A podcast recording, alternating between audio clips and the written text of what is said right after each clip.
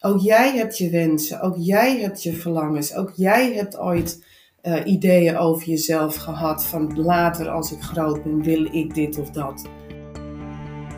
IQ Coaches en Werk is het nieuwe werk- en reïntegratiedeel van IQ Coaches. Uh, IQ Coaches werkt erin samen met loopbaanadviseur Yvonne van der Veld. En Yvonne gaat ons vandaag vertellen wat dit onderdeel precies inhoudt en wat loopbaancoaching voor iemand met autisme kan betekenen. Dus welkom in de podcast Yvonne. Dankjewel uh, voor de uitnodiging. Kan je vertellen wat IQ-coaches en werk precies doet?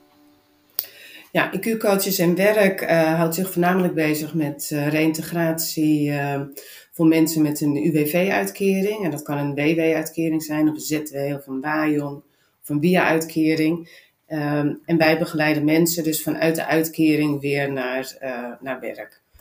En waarbij onze focus nu voornamelijk gericht is op mensen met autisme, ADHD, hoogbegaafdheid of nou ja, andersoortige kwetsbaarheden. En moet iemand ook echt een diagnose autisme hebben? Of is dat niet per se nodig? Nee, dat is niet per se nodig. Onze methodiek is ook gewoon toepasbaar op mensen zonder uh, uh, diagnose. En wat is die methodiek? Die methodiek, dat is een, uh, een onderzoeksmethodiek. die bestaat uit vier modules. Met een doorlooptijd van een maand. Dus we gaan echt met de cliënt ehm, heel gestructureerd iedere week aan de slag. En uh, in die modules krijgt de cliënt um, allemaal opdrachten te maken.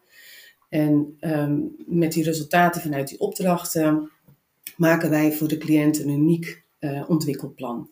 En dat is een heel concreet plan waarmee de cliënt dan verdere stappen kan zetten. En dat kan heel verschillend zijn. Oké. En die vier modules, um, dat is dus iedere week een nieuwe module, ja. als ik het goed begrijp. En wat, wat houden die modules in? Waar begint het mee? Wat is de eerste stap? Ja, de eerste module is uh, balansen. En daarin gaat de cliënt echt de balans opmaken. Dus wij willen graag weten wat de cliënt allemaal in het verleden al gedaan heeft. Om tot het punt nu te komen. En um, dan moet je denken aan, uh, dat, dat kan op verschillende manieren in kaart uh, gebracht worden.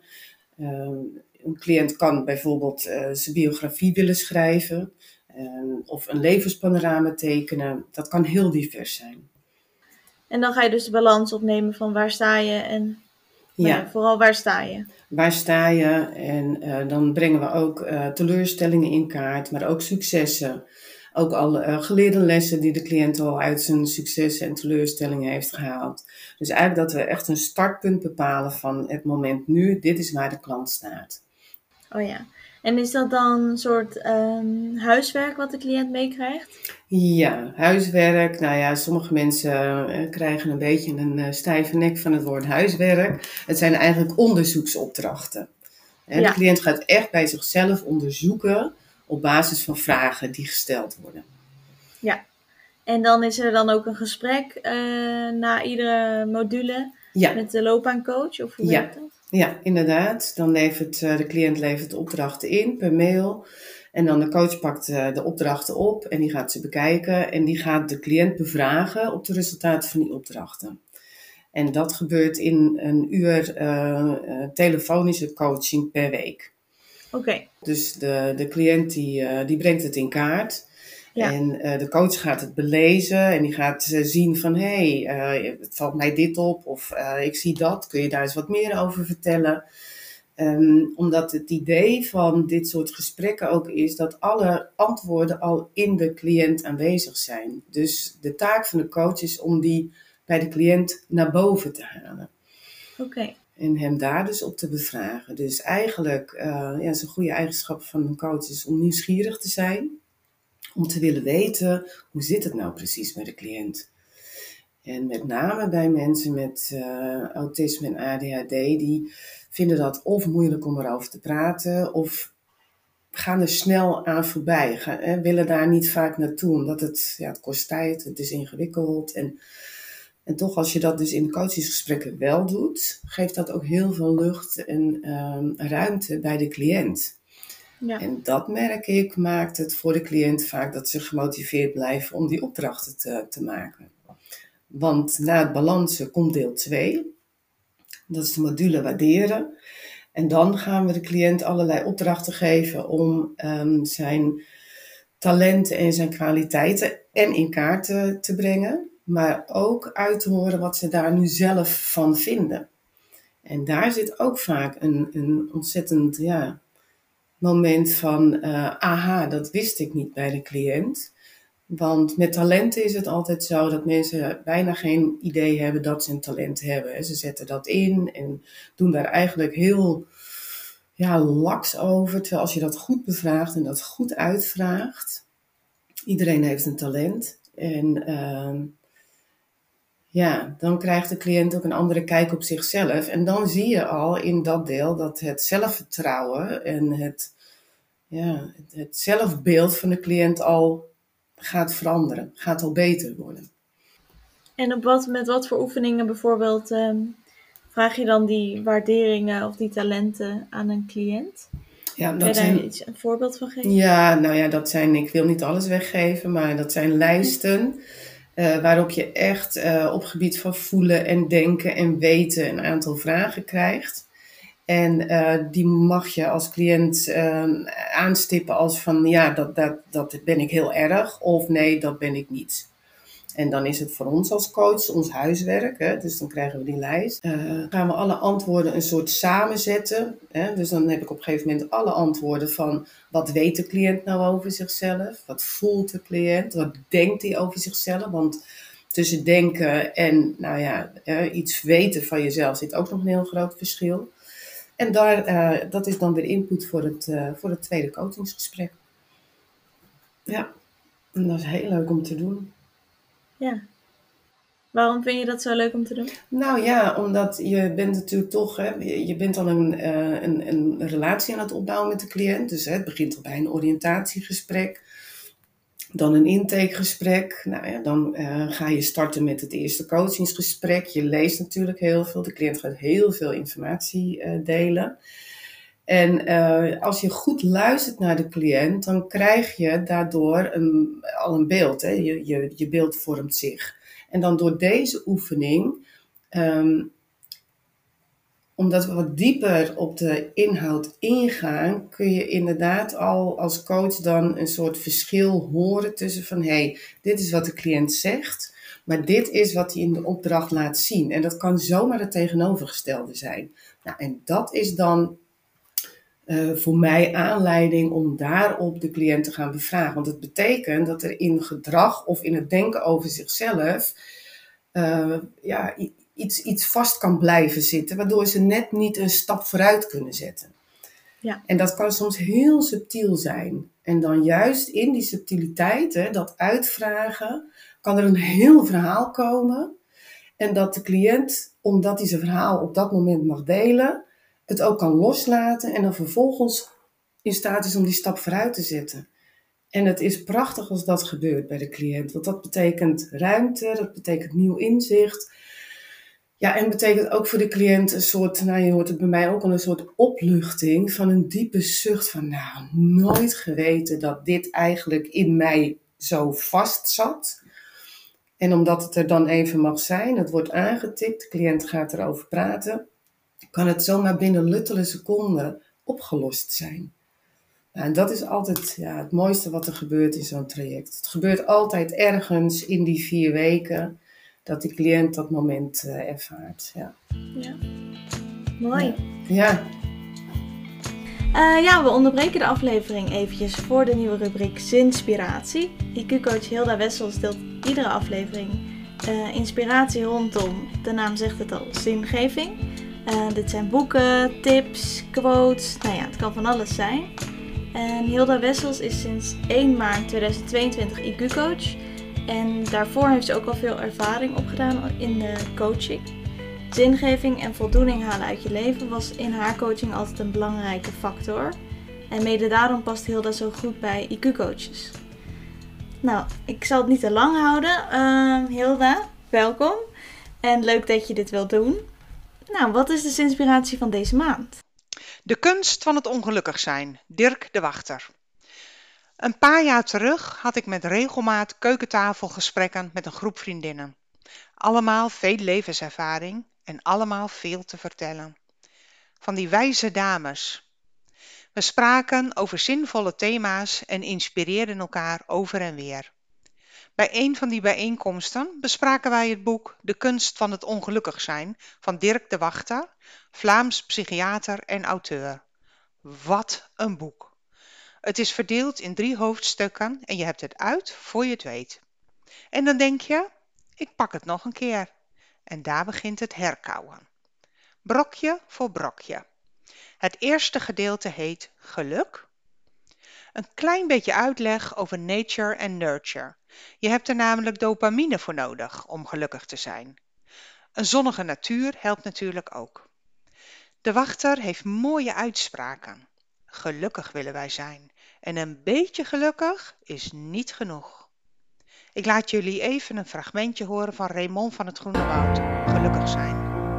Liefde en warmte, geen stress aan mijn lijf. Gelukkig zijn.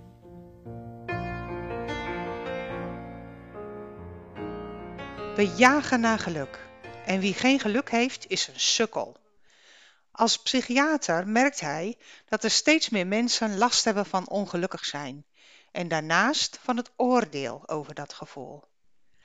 Hij zou graag zien dat mensen zich wat meer om elkaar bekommeren, zodat de psychiater minder nodig is. In zijn tweede gedeelte, ongeluk, heeft hij het over verdriet. Dat ding met stekels, zegt hij. Het haakt, het prikt. En dat blijft maar zo als er niet naar gekeken wordt. Verdriet zorgt voor verbinding als je het deelt, concludeert hij. En dat klopt, als een zwerende vinger. Ik merkte dat toen mijn vader zeer onverwacht stierf en ik bij de deur van de aula al mijn lieve vriendinnen zag staan. Zij waren deelgenoot van mijn verdriet en dat hielp. In het laatste stuk vertelt de wachter dat het zoeken naar geluk wat hem betreft beter vervangen kan worden naar zoeken naar betekenis en zin. Dat kan ons als IQ-coaches, denk ik, bijzonder inspireren. Wij weten hoe belangrijk het is om een cliënt daarin te ondersteunen. Daar worden wij in opgeleid. Dat hoort bij onze visie. Het is onze eerste pijler en daarmee zie ik de verbinding en de inspiratie bij de wachter. Hij spoort ons aan tot luisteren, tot betrokken presentie. Lees het. De kunst van het ongelukkig zijn. Dirk de Wachter. Kou, herkou en lees hierin hoe zinvol het is om op zoek te gaan naar betekenis. En als ze dan de waarderingen, nou ze hebben er balans op gemaakt, ehm, gewaardeerd of waarderingen gegeven. Wat is dan de derde en vierde module? Ja, de derde is willen en wensen. Dan gaan we echt inzoomen op wat wil jij nu echt als cliënt. Dan uh, wordt er bijvoorbeeld gevraagd van, goh, uh, natuurlijk krijg je ook vragen van, uh, wat zou je doen als je een miljoen krijgt? Of achter welke deuren zou je wel eens graag een kijkje willen nemen? Allemaal om de cliënt uit te dagen om eventjes uit het comfortzone denken te geraken. Nou, en als dat uh, achter de rug is, dan hebben wij als coaches voldoende informatie. Dan gaan we ook alle uh, opdrachten vertalen naar het ontwikkelplan. Dat is een groot Excel-sheet. En um, module 4 is, uh, dan komt alles bij elkaar. Want het is heel leuk om een onderzoek te doen. Maar je moet iets met die resultaten doen. Dus dan wordt het heel concreet. Dan gaan we kijken van oké, vanuit het beroepoverzicht, wat een onderdeel is van uh, willen en wensen. Um, gaan we kijken wat zijn nou de functies die jij graag ambieert en hoe ziet nu die arbeidsmarkt eruit en wat zijn nu onze concrete stappen die we gaan zetten. En dat kan zoeken naar vacatures zijn, maar dat kan ook het afsluiten zijn van het betreffende reïntegratietraject omdat iemand bijvoorbeeld werkfit is geworden door het hele traject. En dan um, kunnen we een reïntegratietraject beëindigen. Maar het ontwikkelplan, ieder ontwikkelplan, iedere cliënt heeft zijn eigen ontwikkelplan. En daarmee kan heel concreet gezocht worden naar functies in de, in de arbeidsmarkt.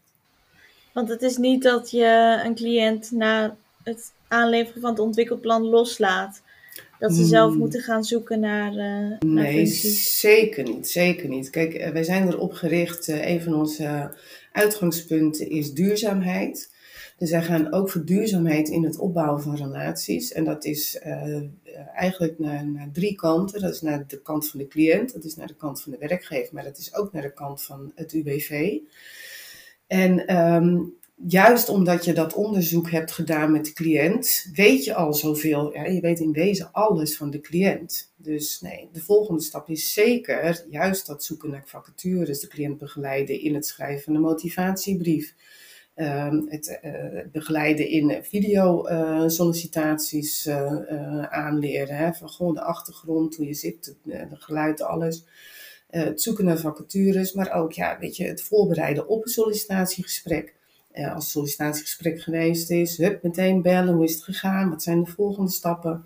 Dus wij pakken echt de cliënt vast aan de hand en laten hem eigenlijk niet meer los. Ook niet op het moment dat hij geplaatst is bij een werkgever. Want dan kunnen wij ons uh, jobcoaching inzetten. Dus, dat, uh, dus we kunnen ook de begeleiding voortzetten. En, um, en ja, dat is, dat is wel het uitgangspunt. Dat is hoe wij met de cliënten uh, omgaan. Ja. Um, vertellen jouw cliënten altijd al aan de werkgever dat ze een diagnose autisme of ADHD hebben? Of heb je het daarover met hen? Jazeker, dat is heel goed uh, zwaar, tenminste zwaar. Het is een onderdeel van uh, de begeleiding, omdat um, er zijn cliënten die willen het absoluut niet dat de werkgever het weet. Nou, daar heb je ook respect voor te hebben. Alleen merk ik, en zij zelf ook, dan lopen ze toch tegen zaken aan op de werkvloer die gewoon wat gecompliceerd liggen. Want de werkgever verwacht van uh, medewerkers een bepaald gedrag. En daar wordt ook als zodanig op gereageerd. En als jij als uh, werknemer met uh, een autistisch brein dat niet meldt, ja, krijg je wel dezelfde behandeling. Maar goed, dat is een keuze van de cliënt. Ik probeer wel altijd dat bespreekbaar te maken en ook de voordelen daarvan te laten zien als je het wel doet. Maar ja, ja de, keuze ligt altijd bij de cliënt. En er zijn ook cliënten die zeggen van, nou, ik ga nu naar een nieuwe werkgever. Ik wil gewoon kunnen zijn wie ik ben. Ik vertel het. En als daarom de werkgever afhaakt, dan zo so be it. En, um, en vaak blijkt dus in de praktijk dat dat helemaal geen probleem is. Dat juist die werkgever heel blij is met die informatie. Want dan kunnen ze aanpassingen doen en ze kunnen extra begeleiding geven. Dus um, ja, het is zeker een onderdeel van de begeleiding. Ja. Oh ja, interessant. Ja. Wat, wat zijn dan de voordelen die ze kunnen ervaren als ze het wel delen? het eerste moment of na een bepaalde periode? Nou, bijvoorbeeld, ik heb nu een cliënt. Uh, nou, ik zal, ik zal twee voorbeelden geven. Een cliënt die wel uh, van tevoren heeft gezegd: van goh, um, ik, heb, ik heb de diagnose autisme. maar ik denk dat ik deze functie heel goed kan invullen. En waarop die werkgever zegt van nou, ik ben zo blij dat je het vertelt, want op een of andere manier heeft ik wil niet chargeren, altijd ergens iedereen wel een iemand in netwerk of kent iemand met autisme. En bij deze dame was dat met, tijdens het sollicitatiegesprek de opening voor de andere partij om daarover te praten. Het was direct een klik. Ze mocht eigenlijk de volgende dag direct daardoor al komen omdat um, haar openheid en haar manier van praten in het sollicitatiegesprek was voor de andere partij een soort eye-opener. En ik wil niet zeggen dat het bij alle werkgevers op die manier werkt. Maar zij kon dus in alle vrijheid vertellen van, maar ik loop vaak tegen dit en dit punt aan. Waarop die werkgever zegt, nou ik ben blij om te weten dat je daar tegenaan loopt, dan kunnen we daar rekening mee houden. Een andere dame, die aan het reintegreren is met autisme, uh, is gewend om van 9 tot 1, 4 uur aan één gesloten keihard te werken. Want, uh, nou, dat mag ik misschien ook nu wel zeggen na het aantal cliënten die, uh, die ik begeleid. Juist mensen met autisme hebben een ongelofelijke werkdrijf. Die stoppen niet. Die gaan maar door. En dat is ook tevens de grootste valkuil. Dus ook deze dame, die ging maar door op een gegeven moment heb ik, ze zegt, maar ja, ik ben zo moe en haar energielevel kwam maar niet op peil. Zeg, maar wat doe je dan? Ja, ze zegt, uh, ik, ik kom om negen uur op kantoor en dan werk ik door tot één uur. Ik zeg, maar neem je geen pauze? Nee, nee, dat deed ze niet. Ik zeg, maar luister eens, andere mensen gaan een sigaretje roken of die gaan nog even een kopje koffie drinken met een collega. Die nemen gewoon ja, pauze. Nou, dat deed ze niet.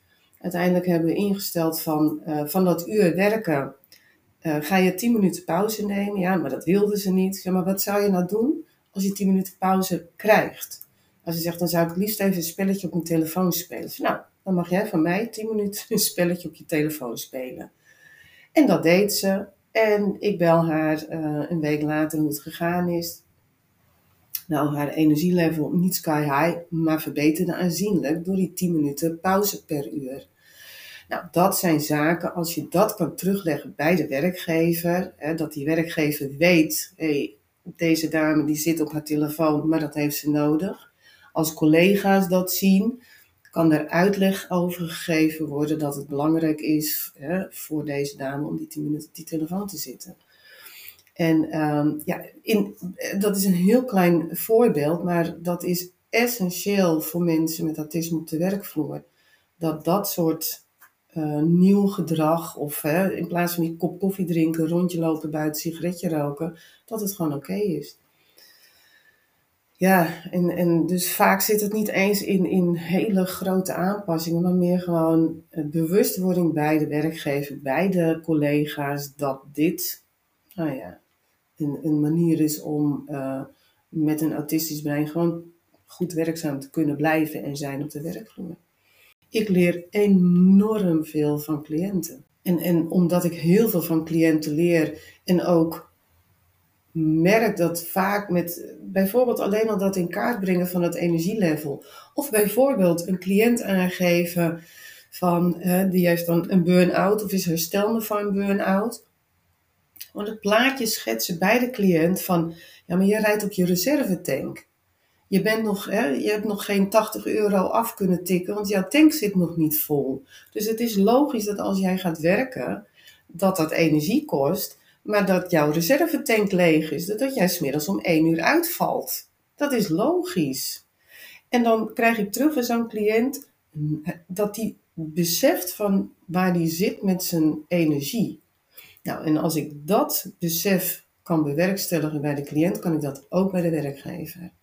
Nou ja, en dan heb je alle drie de partijen hetzelfde plaatje. Hè, van oké, persoon X zit, werkt nog vanuit zijn reservetank. Wat heeft hij nodig? Om die tank te kunnen vullen. Nou, dat is in eerste instantie aanpassen van de werkuren. En dat is voor een werkgever vaak niet, uh, nou ja, uh, wat ze willen. Maar ik heb nog nergens een werkgever uh, meegemaakt die zegt: nee, nee, nou, dat gaat niet gebeuren. Ze zijn allemaal in de meewerkstand, want ze willen dat de werknemer uiteindelijk weer optimaal kan functioneren. En ja, ik vind dat, ja, ik, daar word ik heel blij van. Ik word heel blij van het feit dat, uh, dat je op dat niveau en het bij de cliënt, maar ook bij de werkgever duidelijk kan maken. Ja, ja dat lijkt me ook mooi. Ja. En doe je die vier modules altijd bij ieder, ieder reïntegratietraject? Ja, ja, okay. ja, ja. dat is eigenlijk, uh, we hoeven dat niet te doen. Want um, bijvoorbeeld modulaire dienstverlening betekent, dan zit de cliënt op de trede 1 van de participatieladder.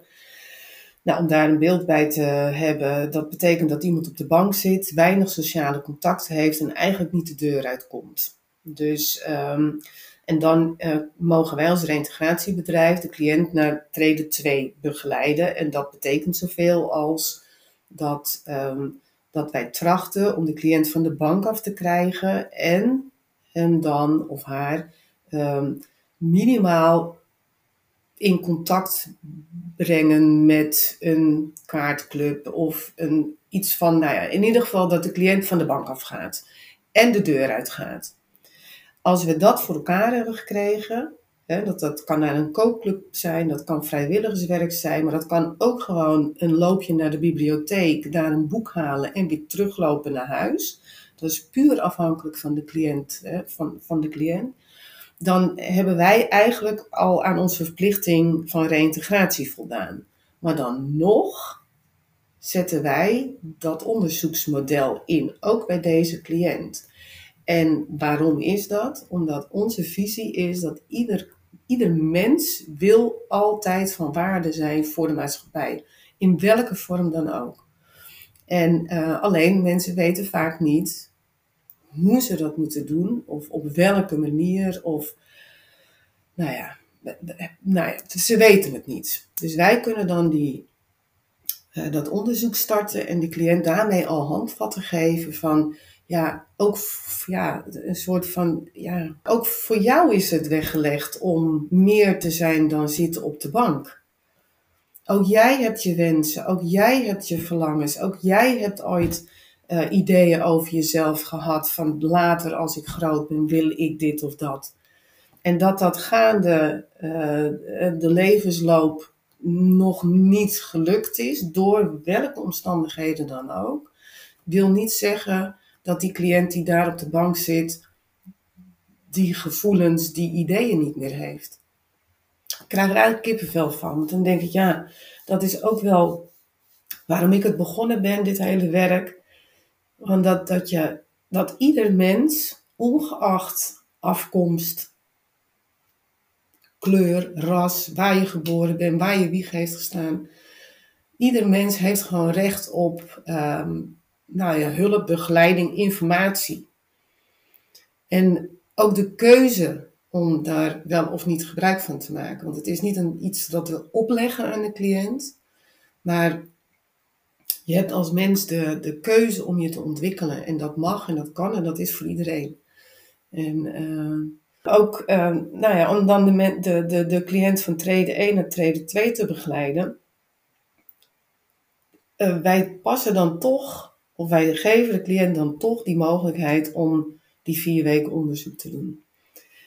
En, uh, maar goed, dat is niet een voorwaarde die het UWV op dat moment stelt. Nee. Maar je merkt dat de cliënten dat wel waarderen. Om dat meer inzicht te krijgen in zichzelf en in hun wensen. Ja, ze worden blij, want uh, ze hebben het idee, er is iemand die mij aandacht geeft. En uh, naast hè, uh, andere begeleiding van, want je moet ook voorstellen, er zijn cliënten die hebben therapie bij, of, of, lopen bij een psycholoog of hebben psycho-educatie. Um, ja, die krijgen nu in een heel concreet en praktisch en eigenlijk op een hele simpele manier um, een opdracht. En vinden dat heel leuk om daarmee bezig te zijn en vinden het ook heel leuk om daarover te praten. En dat is denk ik een soort universeel iets wat bij iedereen aanwezig is. Als je over jezelf mag praten en er wordt echt naar je geluisterd, dat, dat, dat doet iets bij mensen. En ja, en, en daar gaan mensen van opbloeien en dat geeft ze een goed gevoel. En ja, dan kunnen ze er weer tegen op een of andere manier. Ja. ja. Mooi ook voor jou als coach, denk ik, om dit soort uh, trajecten te begeleiden. Ja, ja, dit is voor mij zingeving. In ieder gesprek uh, ervaar ik weer dat gevoel van ja, dat ik dit mag doen. Bedankt voor het luisteren naar onze podcast. Wil je nou meer informatie? Ga dan even naar onze website www.iqcoaches.nl of kijk even in de beschrijving van deze podcast.